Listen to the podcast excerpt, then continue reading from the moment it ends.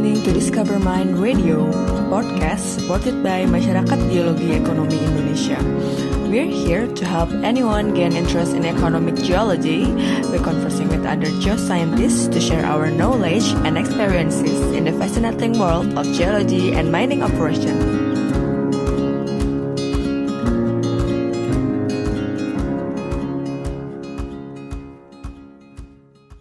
Welcome to Discover Mind Radio. Di episode kali ini kita akan berbincang dengan spectral geologist yang saya juga pernah kerja bareng dengan beliau, yaitu Teh Wulandari Mandra Dewi. Gimana Teh, apa kabar? Baik, Mananda. Kangen ya sama Teh Wulan, udah lama nggak ketemu. Iya, senang bisa ketemu lagi di sini. Kita bisa ngobrol lagi ya. Udah lama kita nggak ngobrol gitu. Biasanya ketemu di kantor dan ngobrol langsung dan diskusi langsung ya. Terima kasih juga udah diundang untuk sharing sedikit tentang spektral. Tapi disclaimer dari awal ya, mungkin kita hanya ngobrol santai tentang spektral gitu. Jadi apa yang saya tahu akan saya sharing. Iya, sip, sip, thank you. Jadi Teh gini, aku tuh juga baru banget di dunia spektral nih Teh. Kayak aku baru, saya tahu sendiri lah aku baru kerja ngurusin spektral data itu sekitar mungkin dua tahun terakhir gitu di kantor gitu. Nah, mungkin buat aku aku cuma tahu sedikit lebih banyak dari teman-teman yang mungkin awam banget nih sama apa sih spectral analysis itu gitu. Karena banyak yang nggak ngerti apa bedanya spectral apa bedanya hyperspectral kayak gitu kan teh gitu. Kalau misalnya kita mulai dari awal dulu nih teh sebenarnya spectral analysis itu apa sih teh Spektral analisis itu sebenarnya kan metode di mana untuk mengidentifikasi mineral. Kalau di geologi ya sebenarnya si spektral itu tidak hanya digunakan di geologi, tetapi di pertanian juga digunakan, di berbagai macam aspek juga digunakan. Maksudnya melihat sifat dari material gitu. Jadi tidak hanya di geologi, cuman yang saya ingin tekankan kalau di geologi biasanya digunakan untuk mengidentifikasi mineral gitu kan. Apa yang digunakan? Jadi kita menggunakan sinar infrared sinar itu akan dipantulkan ke sampel gitu ya dan kita akan mendapatkan panjang gelombang dari mineral yang ada di situ.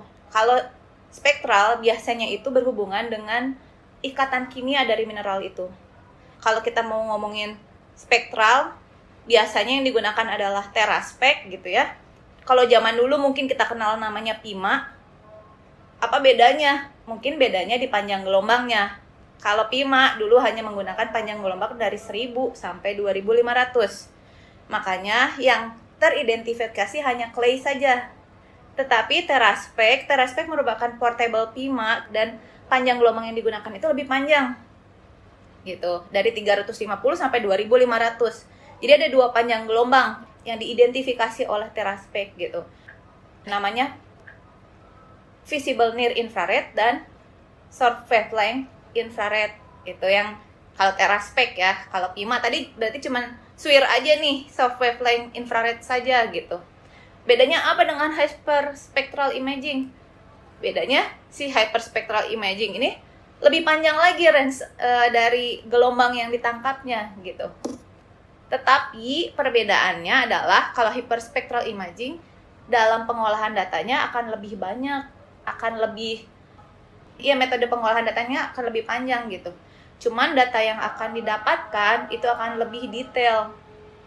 Bukan hanya seperti kalau seperti spektral kan spektral yang maksudnya yang yang kita pakai sekarang yang portable itu kan hanya beberapa mineral ya yang bisa diidentifikasi terbatas lah. Tapi kalau hyperspectral imaging itu bisa ada kuantitatifnya, lalu ada mineral lain juga yang atau mineral atau data lain yang bisa di diidentifikasi gitu. Jadi yang paling populer itu kan tadi kalau dari hyperspectral itu penggunaan dari visible infrared juga, lalu near infrared juga, lalu ada juga yang namanya middle infrared, juga di uh, Raman Raman itu termasuk dalam uh, hyperspectral imaging. Jadi lebih panjang gelombangnya yang digunakan.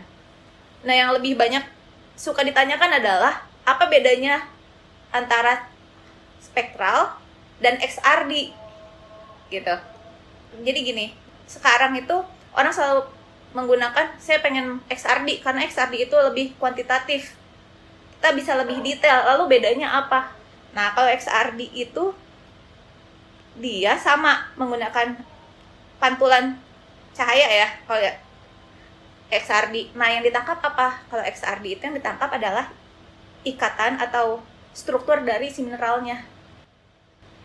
Kalau tadi kan komposisi dari kimianya, kalau spektral itu. Nah, kalau XRD yang ditangkap itu dan ikatan mineralnya, ikatan struktur ikatan mineralnya seperti itu. Dan si XRD itu memang lebih lengkap gitu. Dia bisa mengidentifikasi kuantitatif dari mineral yang dari sampel tersebut. Cuman kan bedanya satu kita balik lagi spektral itu tidak perlu preparasi. Tetapi kalau XRD butuh preparasi gitu. Iya benar-benar teh. Jadi tuh sebenarnya menariknya gini ya, karena kan dari yang awalnya dulu kita pakai Pima, mungkin di bawah tahun 90-an kali ya teh sebelum itu ya pakai Pima tuh yang masih hitsnya gitu terus lama-lama ada lagi teknologi baru yaitu Teraspek yang mungkin sekarang cukup banyak dipakai di beberapa mining gitu di Indonesia kalau misalnya kita pengen perjelas lagi mungkin kalau si Teraspek itu mungkin fokusnya mungkin lebih ke VNIR sama SWIR tadi yang kayak Tateh bilang nah mungkin itu akan jauh lebih powerful untuk melihat si clay mineral yang ada yang kita nggak bisa identify pakai mata telanjang gitu ya teh. Cuman mungkin memang benar kata Teteh tadi karena tuh kayaknya nggak banyak ya orang yang ngerti perbedaan apa sih ASD, apa sih XRD gitu. Maksudnya ada metode-metode itu gitu yang yang kadang-kadang orang cuma tahu cuma namanya aja tapi nggak tahu prinsip kerjanya tuh seperti apa gitu. Makanya kayak Teteh tadi bilang banyak orang yang jadinya terkecoh kesannya kayak semua itu sama kayak ASD dan XRD mungkin sama-sama identifikasi mineral tapi yang diidentifikasi itu berbeda gitu. Misalnya kayak tadi teteh bilang gitu ya kalau XRD mungkin lebih kuantitatif karena dia juga ada preparasinya juga. Intinya harus ada pekerjaan laboratorium lah kalau misalnya mau pakai XRD gitu kan ya. Sedangkan kalau misalnya ASD tuh itu kan kita tinggal tembak aja mungkin kayak sangat cepat juga hasilnya mungkin sekitar 1-2 detik udah keluar hasil spektralnya dan kita bisa identified gitu tuh. Betul, jadi kalau kenapa kita pakai spektral gitu ya karena mungkin dibandingkan dengan metode yang lain pengolahannya itu lebih mudah dan seperti yang Nanda bilang mungkin minimal 1 sampai 2 detik kalau kita bisa baca spektrumnya oh, yeah. kita bisa langsung tahu oh ini mineralnya ini nah memang iya beberapa orang atau beberapa geologis mungkin tidak mudah untuk mengidentifikasi clay mineral atau mineral-mineral yang ya yang kita lihat di core ya tapi dengan adanya spektral apalagi ini cukup portable dan si spektral ini terutama teraspek ini bisa digunakan di berbagai macam jenis sampel kan gitu. Hmm. Jadi itu sangat mempermudah sekali nih dalam mengidentifikasi mineral secara cepat gitu. Hmm. Itu yang kenapa membedakan dengan metode lainnya. Dan dalam mengolah data pun tidak serumit yang lain gitu. Nah, kalau misalkan XRD, kalau yang mungkin kamu pernah lihat alatnya itu besar. Kalau yeah. apa hyperspectral imaging kita tuh butuh komputer dengan spek yang tinggi sedangkan iya. teraspek itu nggak butuh hal serumit itu gitu jadi ketika kita mau menentukan metode apa yang ingin kita gunakan kita harus melihat dulu tujuannya apa area kita seperti apa sehingga akan lebih efektif metode yang kita pilih gitu sih tapi kalau untuk sebenarnya kan hampir sama ya tiga tiga metode ini untuk mengidentifikasi mineral. Mungkin ada ini teh, kan kalau misalnya tadi banyak orang juga yang terkecoh dengan ini. Kan kalau misalnya kita ngolah data, misalnya kita dari Teraspek kita ambil data, terus udah gitu kan masuk ke software TSG ya teh. Kita kan ekspor nanti ada hasilnya. Kayaknya banyak banget ya orang yang terkecoh dengan ada tuh namanya mineral persen yang di TSG. Nah, jadi seakan-akan orang itu menganggap kalau misalnya si persenan itu adalah jumlah mineral di titik tersebut padahal sebenarnya bukan itu bisa dijelasin nggak teh? Sebenarnya itu bisa saja jumlah mineral yang paling dominan pada titik itu. Itu cukup untuk menjelaskan. Cuman jarang orang yang menggunakan kuantitatif dari si mineral yang ada di TSG itu kan. Sampai saat ini pun saya kurang kurang serak aja untuk menggunakannya. Cuman kita harus menghormati setiap data yang kita ambil itu sebenarnya bisa digunakan Nanda. Gitu. Tergantung approach-nya seperti apa gitu. Ya kan? Karena gini kenapa kalau kita lihat mungkin akan ada tergantung kita mau mau berapa data ya yang dimunculkan kalau di TSG itu kan berapa data dominan ya yang akan dimunculkan? Bisa tiga bisa empat bisa lima gitu. Dan biasanya maksimum yang ditampilkan di TSG itu kan hanya dua. Dua untuk yang uh, visible near infrared dua untuk yang SWIR itu sudah sangat efektif tuh. Jadi persentasenya juga yang akan ditampilkan hanya dua mineral itu. Tetapi kita balik lagi. Sejauh ini mungkin tidak banyak yang menggunakan si kuantitatif itu ya kan? Jadi bisa jadi memang betul gitu. Cuman kembali lagi itu kan penggunaannya lebih pada satu titik aja nih. Yeah. akan kurang representatif gitu. Gitu sih. Jadi sebenarnya data itu berguna atau enggak mungkin bisa digunakan Nanda untuk menunjukkan uh, dominasi mineralnya. Cuman pendekatan apa lagi yang akan kita gunakan? Nah Teteh kan udah lama banget nih untuk berkecimpung dengan spektral ini. Um, jadi tuh Teteh kan berarti udah udah tahu banget apalagi Teteh tuh di saat transisi mungkin dari yang dulunya orang-orang masih pakai Pima terus di Indonesia mulai masuk nih pakai Teraspek gitu. Nah, kenapa sih Teh metode CISD ini tuh sangat berkembang pesat di dunia industri at least dalam dua dekade terakhir lah gitu. Dan Teteh bisa kasih contoh mungkin proyek yang pernah Teteh kerjain atau uh, project lain di mana yang dia successful discovery-nya mungkin karena spectral data gitu tuh. Oke, okay, kenapa berkembang pesat gitu ya? Jadi kalau Pima, Pima itu hampir sama kayak XRD. Dia alatnya nggak portable. Dia di kayak di lab dan itu alatnya besar. Gitu. Tetapi kenapa si spektral? Jadi kita nggak ngomongin spektral ya, mungkin lebih ke teraspek. Kenapa teraspek lebih ideal atau lebih berkembang saat ini karena dia memang kan portable kita bisa ambilnya dari mana saja maksudnya di, sebenarnya alat itu bisa dibawa langsung ke lapangan dan kita bisa lihat langsung hasilnya dari sana. Itu yang kenapa jadi berkembang pesat. Karena yang paling penting harus kita ingat dalam dunia eksplorasi atau dalam mining industri efektif dan efisiensi adalah hal yang cukup penting. Yeah. dan si teraspek ini atau si spektrum analisis ini cukup menjawab tantangan itu ya. Betul kan? Dengan yeah. kita bisa pakai berbagai macam jenis sampel, kita bisa melihat hasilnya atau mengidentifikasi mineral dalam waktu sangat singkat. Jadi itu cukup menjawab kebutuhan dari dunia tambang di Indonesia, nggak di Indonesia mungkin di dunia gitu ya. Itu yang cukup penting. Jadi itu kenapa akhirnya metode ini cukup berkembang pesat di dua dekade atau di beberapa tahun terakhir ini gitu. Beberapa contohnya mungkin kayak di Martabe juga menggunakan ya dan itu cukup efektif terutama untuk di high sulfidation ya. Karena kan kita memang mineralisasi berhubungan dengan zona alterasi. Dan mineralnya pun bedanya cukup drastis ya. Maksudnya kita bisa melihat gitu. Ada perubahan temperatur ada perubahan pH gitu. Dari yang netral ke yang asam. Dan contoh-contohnya sudah cukup banyak gitu penggunaannya baik di eksplorasi ataupun di main produksi ya. Beberapa paper seperti J Resources kan sudah pernah bikin paper tentang spektral bagaimana penggunaannya di eksplorasi ketika mereka menemukan seruyung lalu beberapa tahun lalu papernya mengenai bagaimana membedakan clay mineral yang berhubungan dengan permasalahan yang dihadapi di heap leach. Ada mineral-mineral yang mengganggu ternyata saat pengolahannya seperti itu. Sekarang sih mungkin hampir seluruh seluruh perusahaan ya mulai menggunakan metode ini gitu. Jadi udah cukup banyak berarti ya teh yang pakai spectral di Indonesia terutama gitu ya. Cukup banyak. Dan balik lagi, sebenarnya kalau kita melihat ke dunia si metode ini tidak hanya digunakan di dunia mining industri gitu geothermal pun sudah mulai menggunakan itu. Bahkan beberapa studi yang saya pernah baca, mereka memang akhirnya membandingkan tadi antara teraspek, ya teraspek kalau kita bilangnya, dengan si XRD. Jadi ada studi-studi ya. yang sudah dibuat.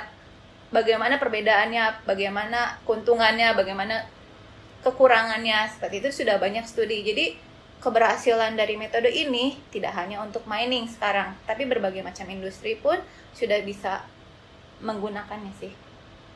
Nah sekarang kalau misalnya nih kan Teteh udah berkecimpung lama di spektral sebelumnya, masalah kiakisi database teh itu gimana ya teh caranya untuk kiakisi database karena tuh susah. Sebenarnya bukan susah, tapi mungkin makan waktu.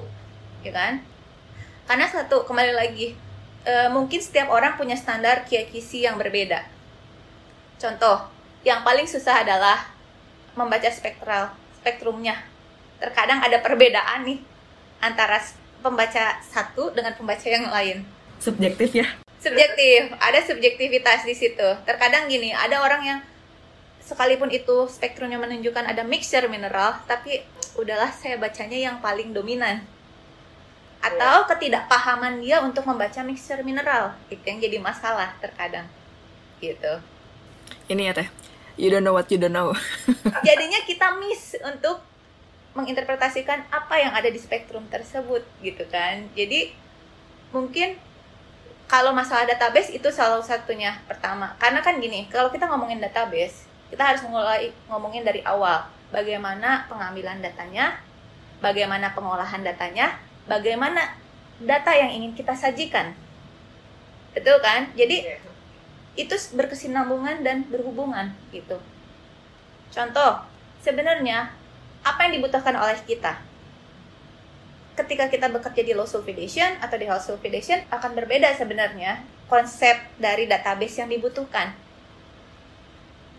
Cuman kita sebagai spectral geologist kita harus bisa melihat itu apa yang ingin kita kumpulkan datanya Nah, kiai pun di sana. Kita bisa udah melihat kiai datanya, apa saja yang harus kita uh, lihat, apa saja yang harus kita perhatikan, gitu.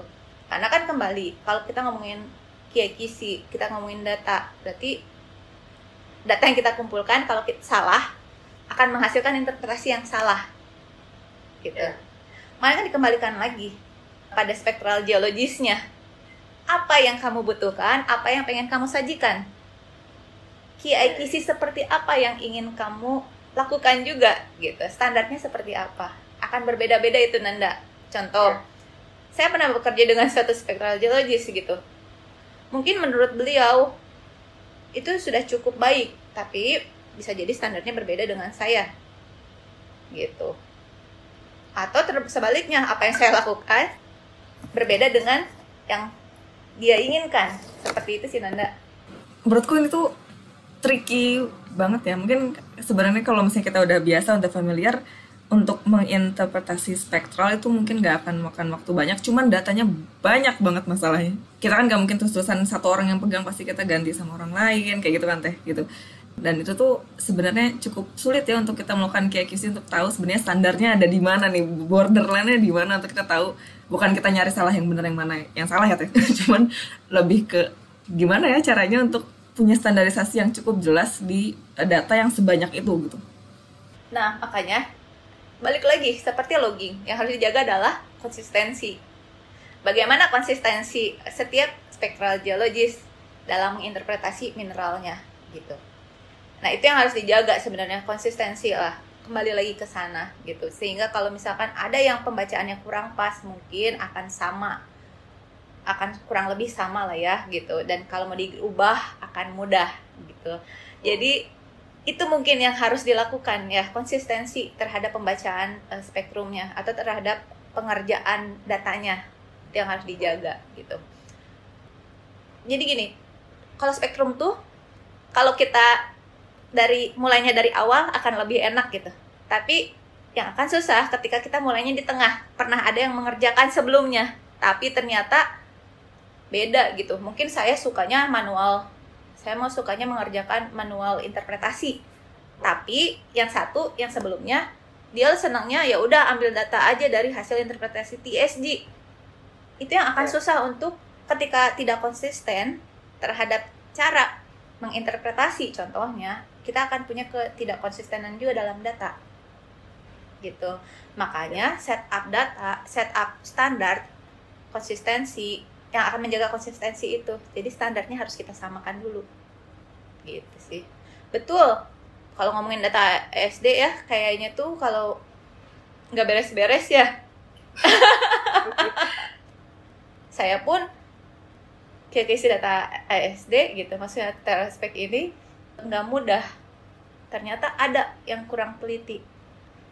Dan itu cukup penting misalkan oh ternyata ada mineral ini yang tidak teridentifikasi oleh teman saya gitu ini gimana ya masukin lagi apakah saya harus interpretasi dari awal atau bagaimana Nah, itu tuh ini juga teh sebenarnya tricky. Misalnya gini, kita kan kayak tadi Teteh bilang si TSD ini sebenarnya kan mengeluarkan suggestion ya mineral apa yang ada di situ gitu. Cuman memang ada beberapa mineral yang dia nggak keluar di TSD misalnya such as zonite dia kan nggak keluar ininya suggestion zonite ya. Kadang-kadang tuh karena picknya cuma seuprit itu gitu. Orang-orang juga nggak ngeh gitu kalau itu tuh ada zonite kadang-kadang kan kayak gimana ya caranya untuk agak sulit misalnya kalau misalnya kita udah main di high tem temperature terutama banyak yang nggak kebaca gitu sama ini gitu. atau mungkin ini epidot tapi yang mixture itu juga agak susah karena kelihatannya kok sama aja kayak kita lihat chloride. Beda, beda harusnya beda sih kalau emang epidot doang isinya doang tuh gampang tapi kalau udah mixture sama yang lain tuh kayak tricky. Itu yang cukup menarik. Jadi menurut saya gini kita bisa saja menggunakan suggestion mineral yang ada di TSG terkadang kita juga tidak familiar dengan mineral itu tapi dengan adanya suggestion mungkin kita bisa berpikir oh betul mungkin ini ada mineral ini ya. Cuman kita tidak langsung oh iya oke. okay. Ini mineralnya adalah ini. Enggak tapi kita lihat lagi. Kita cek lagi nih di buku. Bener nggak? Mineral ini tuh peaknya sekian peaknya di sini nilainya sekian. Kalau betul kita bisa menggunakan suggestion itu. Tetapi kalau bukan kita juga bisa dong untuk oh bukan suggestionnya itu salah. Itu kenapa kita tidak bisa langsung menggunakan suggestion yang ada di TSG secara langsung? Karena terkadang si TSG ini tidak mengidentifikasi mixer-mixer mineral yang bisa dibaca oleh manual interpretasi seperti itu Nanda. Jadi sebenarnya antara teknologi seperti TSG yang bisa mengidentifikasi secara langsung dengan manual interpretasi itu harusnya saling melengkapi. Ya. Sehingga hasil yang didapatkan atau interpretasi yang kita lakukan itu lebih akurat gitu sebenarnya jadi banyak banget ya teh kalau misalnya kita ngambil aplikasi dari ASD ini tuh bisa broad banget yang kayak tadi teteh bilang mungkin kita bisa identify lebih. Kalau misalnya kita ngambilnya skalanya scale besar gitu as if regional kita bisa lihat perbedaan dari yang mungkin center of the system terus ke outer gitu kan teh misalnya. Tapi kalau misalnya kita mau lihat secara sangat detail pun mungkin kita bisa juga lihat ini ya. Misalnya kalau misalnya kita ada vein terus di sampingnya ada enveloping gitu kita bisa juga trace dari situ gitu perubahan alterasinya terus makanya itu pentingnya kita mendesain pengambilan sampel okay. tadi. Kegunaannya apa? Apakah kita membutuhkan data yang detail atau kita membutuhkan data yang general? Gitu. Okay. makanya dengan ASD itu gini eh, ketika kita melakukan scanning atau pengambilan data misalkan kita pakai 5 meter per 5 meter pun sudah cukup bisa menceritakan perubahan di manakah kita dalam sistem gitu. Jadi kita udah bisa melihat nih Nanda dari outer ke inner atau dari proximal ke distal. Kita sudah bisa melihat tuh seperti itu gitu. Cuman kembali lagi dengan ASD ini banyak data yang bisa digunakan untuk melihat kita ada di mana di posisi itu. Dengan kan banyak datanya yang dikumpulkan ya kita bisa lihat dari komposisi kita bisa lihat dari kristalinity gitu jadi hmm.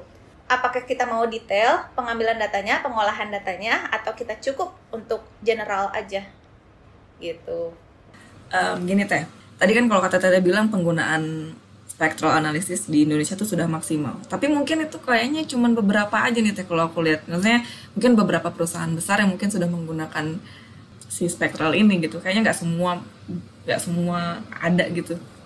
Enggak, sebenarnya mungkin beberapa perusahaan yang tidak terlihat gitu ya itu ya. sudah menggunakan.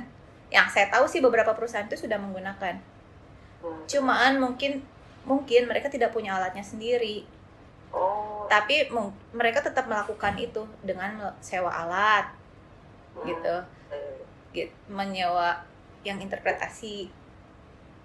Hampir perusahaan yang saya tahu itu sudah menggunakan sih, sudah memanfaatkan metode ini ya, sudah memanfaatkan teknologi ini gitu. Jadi sebenarnya sudah banyak. Jadi setiap perusahaan sudah menyadari bahwa spektral ini cukup penting, gitu, hmm. cukup sangat membantu karena tadi balik lagi penggunaannya tidak hanya eksplorasi saat ini, tapi untuk produksi, untuk processing juga sudah mulai uh, digunakan.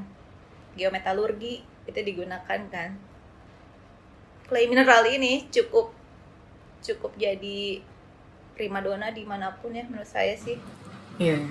Ya, ini menarik sih karena dia di dunia industri mining terutama dia juga broad sekali mulai dari hulu ke hilir ya kita bisa pakai si data ASD ini sebenarnya gitu. Misalnya gini deh balik lagi deh teh skill si spectral reading ini itu sangat spesifik agak spesifik ya maksudnya nggak semua geologis bisa baca itu kecuali belajar banget gitu maksudku gitu. sebenarnya semua orang bisa belajar. Sebenarnya bisa paham tentang spektral itu dengan mudah.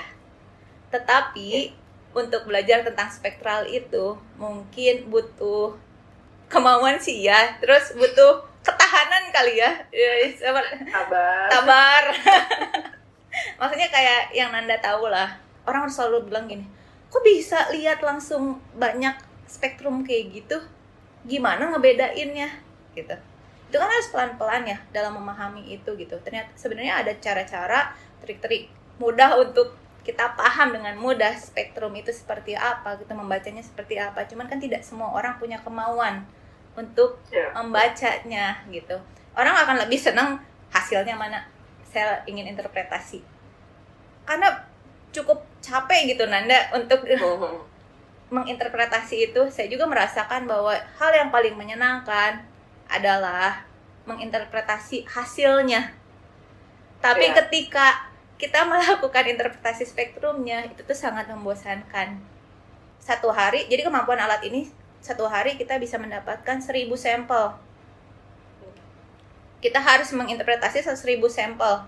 Dari satu hole misalkan sedangkan dalam satu hole itu kita bisa banyak bisa beribu-ribu sampel gitu dan terkadang karena kita ngambilnya per satu meter itu akan jadi membosankan karena ternyata mineralnya sama betul nggak? Ya.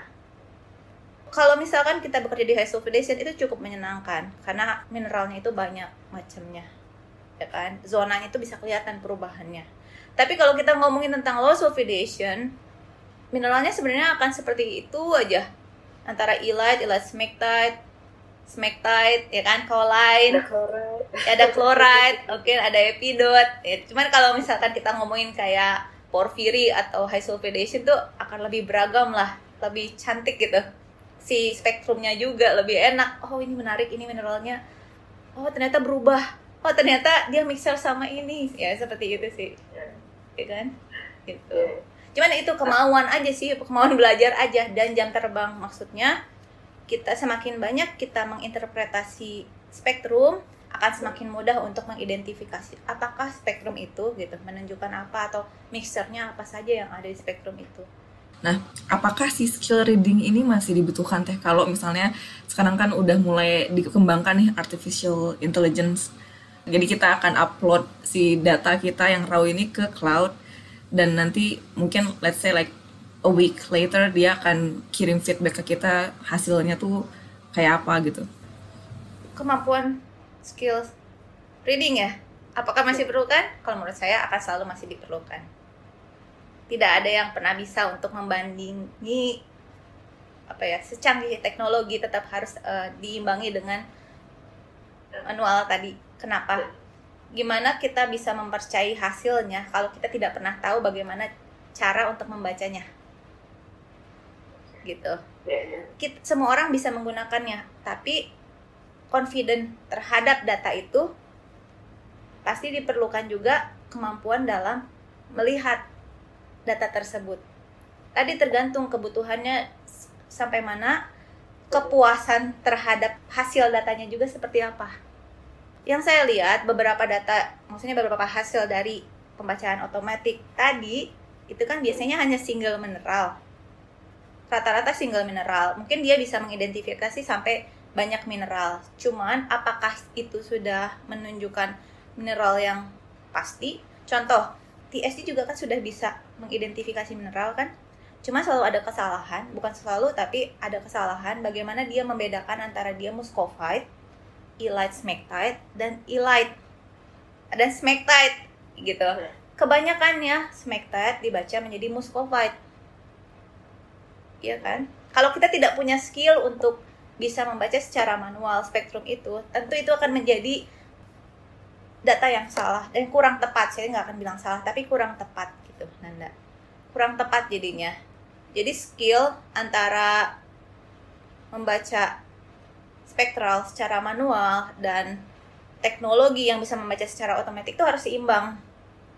Jadi kita tidak bisa 100% untuk menggunakannya secara langsung, tapi kita pun yang tadi balik lagi KIKC dong diperlukan. Yeah. Gitu. KIKC apakah masuk akal hasilnya dengan sampel yang kita punya gitu. Kan itu perlu ya tidak perlu paham secara detail tapi mungkin perlu paham bagaimana pembacaannya, bagaimana menginterpretasinya secara general saja gitu. Jadi balik lagi ya teh ke kiakis itu penting banget. Mungkin dari sebelum kiakis tadi kayak teteh bilang gimana kita build apa yang kita keluarkan datanya dari awal gitu dari gimana cara kita ngambil datanya, spasi berapa, data yang akan dikeluarkan pengennya gimana itu tuh juga mungkin kalau misalnya kayak aku masih junior junior gini belum ngerti nih teh karena taunya kan langsung wah masuk kerja langsung masuk sistem misalnya gitu kan. Jadi tuh pas masuk kerja ya udah ikutin dulu ritmenya. Sebenarnya mungkin awalnya belum tahu esensinya. Kenapa sih pengambilan sampelnya harus sekian? Misalnya kayak gitu tuh uh, waktu itu aku masih belum kopi mungkin sekarang udah mulai sedikit demi sedikit mulai paham oh maksudnya tuh untuk ini gitu kayak gitu gitu. Betul karena ada beberapa hal mungkin yang kita sebenarnya tidak pernah pelajari waktu kita kuliah tetapi ketika kita masuk satu perusahaan atau kita sudah mulai bekerja, kita mulai memahami bahwa sistemnya itu seperti ini. Jadi yang kita pelajari waktu kuliah itu paling di apply-nya 30% aja di dunia kerja. Sisanya kita belajar hal yang baru di aplikasinya. Seperti itu kan. Jadi teknologi yang kita punya kayak Teraspek ini juga kan kita hanya kenalnya dulu hanya ketika kerja ya. Itu juga kalau perusahaannya punya ya kan? Tapi kalau sekarang saya bisa berbagi ilmu dengan adik-adik mahasiswa gitu. Kalau zaman dulu kan mungkin jarang gitu kan. Ya. Seperti itu sih. Ya tapi harus diingat juga Nanda bahwa data spektral ini tidak bisa berdiri sendiri. Harus ada data penunjang. Jadi jangan berarti kita punya data ini kita harus bisa langsung menggunakannya secara langsung. Ya kan? Kita harus punya juga data pendukung yang lainnya. Contoh karena si spektral ini biasanya dia mengidentifikasi mineral-mineral yang terbaca atau yang punya komposisi paling dominan yang akan terbaca gitu. Biasanya 70% dari si sampel tersebut. Ya kan? Ada kadang-kadang yang kurang tepat pembacaannya. Jadi kita harus compare juga dengan data yang lain. Contoh dengan data logging. Contoh seperti yang saya lakukan kemarin gini di spektral hanya smectite yang terbaca. Kalau saya tidak melihat uh, physical core-nya seperti apa, saya akan menganggap bahwa itu adalah zona argilik. Ya, ya kan? Tetapi ketika saya compare ternyata itu bukan zona argilik, itu adalah zona propilitik. Seharusnya di situ adalah smek ada smectite dan chloride. Kenapa chloride-nya tidak terbaca? Kembali lagi kita itu menggunakan sampel yang sangat kecil. Kembali lagi pengambilan datanya seperti apa? Jadi itu yang harus diperhatikan juga. Makanya saya bilang pokoknya bukan paling penting adalah hasilnya. Tetapi proses dari pengambilan data, pengolahan data, dan bagaimana kita menginterpretasi datanya. Dengan data apa kita membandingkan datanya, dengan approach apa kita akan melakukan interpretasi data. Itu akan lebih maksimal dibandingkan kita hanya menggunakan dan percaya 100% data tersebut gitu. Tapi dari okay. AFD ini banyak banget yang bisa digunakan ketika kita mengolah data. Yang paling menyenangkan adalah ketika kita sudah punya data dan kita confident sama data kita itu. Benar kata Teteh, kan kita tuh sebenarnya basic skillnya geologis itu kan interpretasi batuan, ya kan Teh? Dan si alat ini suppose ya harus dikombin tadi benar kata Teteh bilang, tapi juga posisinya dia itu mendukung dan membantu limitation dari kita. Mungkin kayak tadi kalau klaim mineral kita nggak bisa baca dan segala macam gitu kali ya ya. Jadi kembali lagi makanya saya bilang teknologi itu hanya support. Sebenarnya dia tidak bisa menggantikan analisa dari geologis sendiri gitu. Jadi teknologi ini semuanya adalah support. Kita harus bisa memanfaatkan teknologi yang ada sekarang kalau kita bisa memadukan dengan kemampuan analisa kita, maka itu akan lebih berguna. Jadi, jangan 100% ke teknologi, jangan 100% juga mungkin analisa kita kan jadi banyak banyak pendekatan yang harus dilakukan banyak metode yang harus dilakukan banyak data yang harus kita kumpulkan gitu itu harus bisa kita combine dengan baik sehingga kita punya tingkat confident yang sangat baik juga terhadap hasil interpretasi kita gitu Nanda terima kasih banyak Teulan untuk udah berbagi dengan teman-teman di sini semua dengan pendengar semua insight yang sangat bagus banget buat teman-teman yang kalau misalnya nanti untuk mengolah data jadi aware kalau data apa pun yang kita dapatkan itu dia nggak stand sendirian dan kiakisi itu penting banget Tuh, kiakisi itu penting. itu nomor satu. Thank you for listening to Discover Mind Radio. Please send your support and reviews to discovermindradio at gmail.com. See you on the next episode. Bye!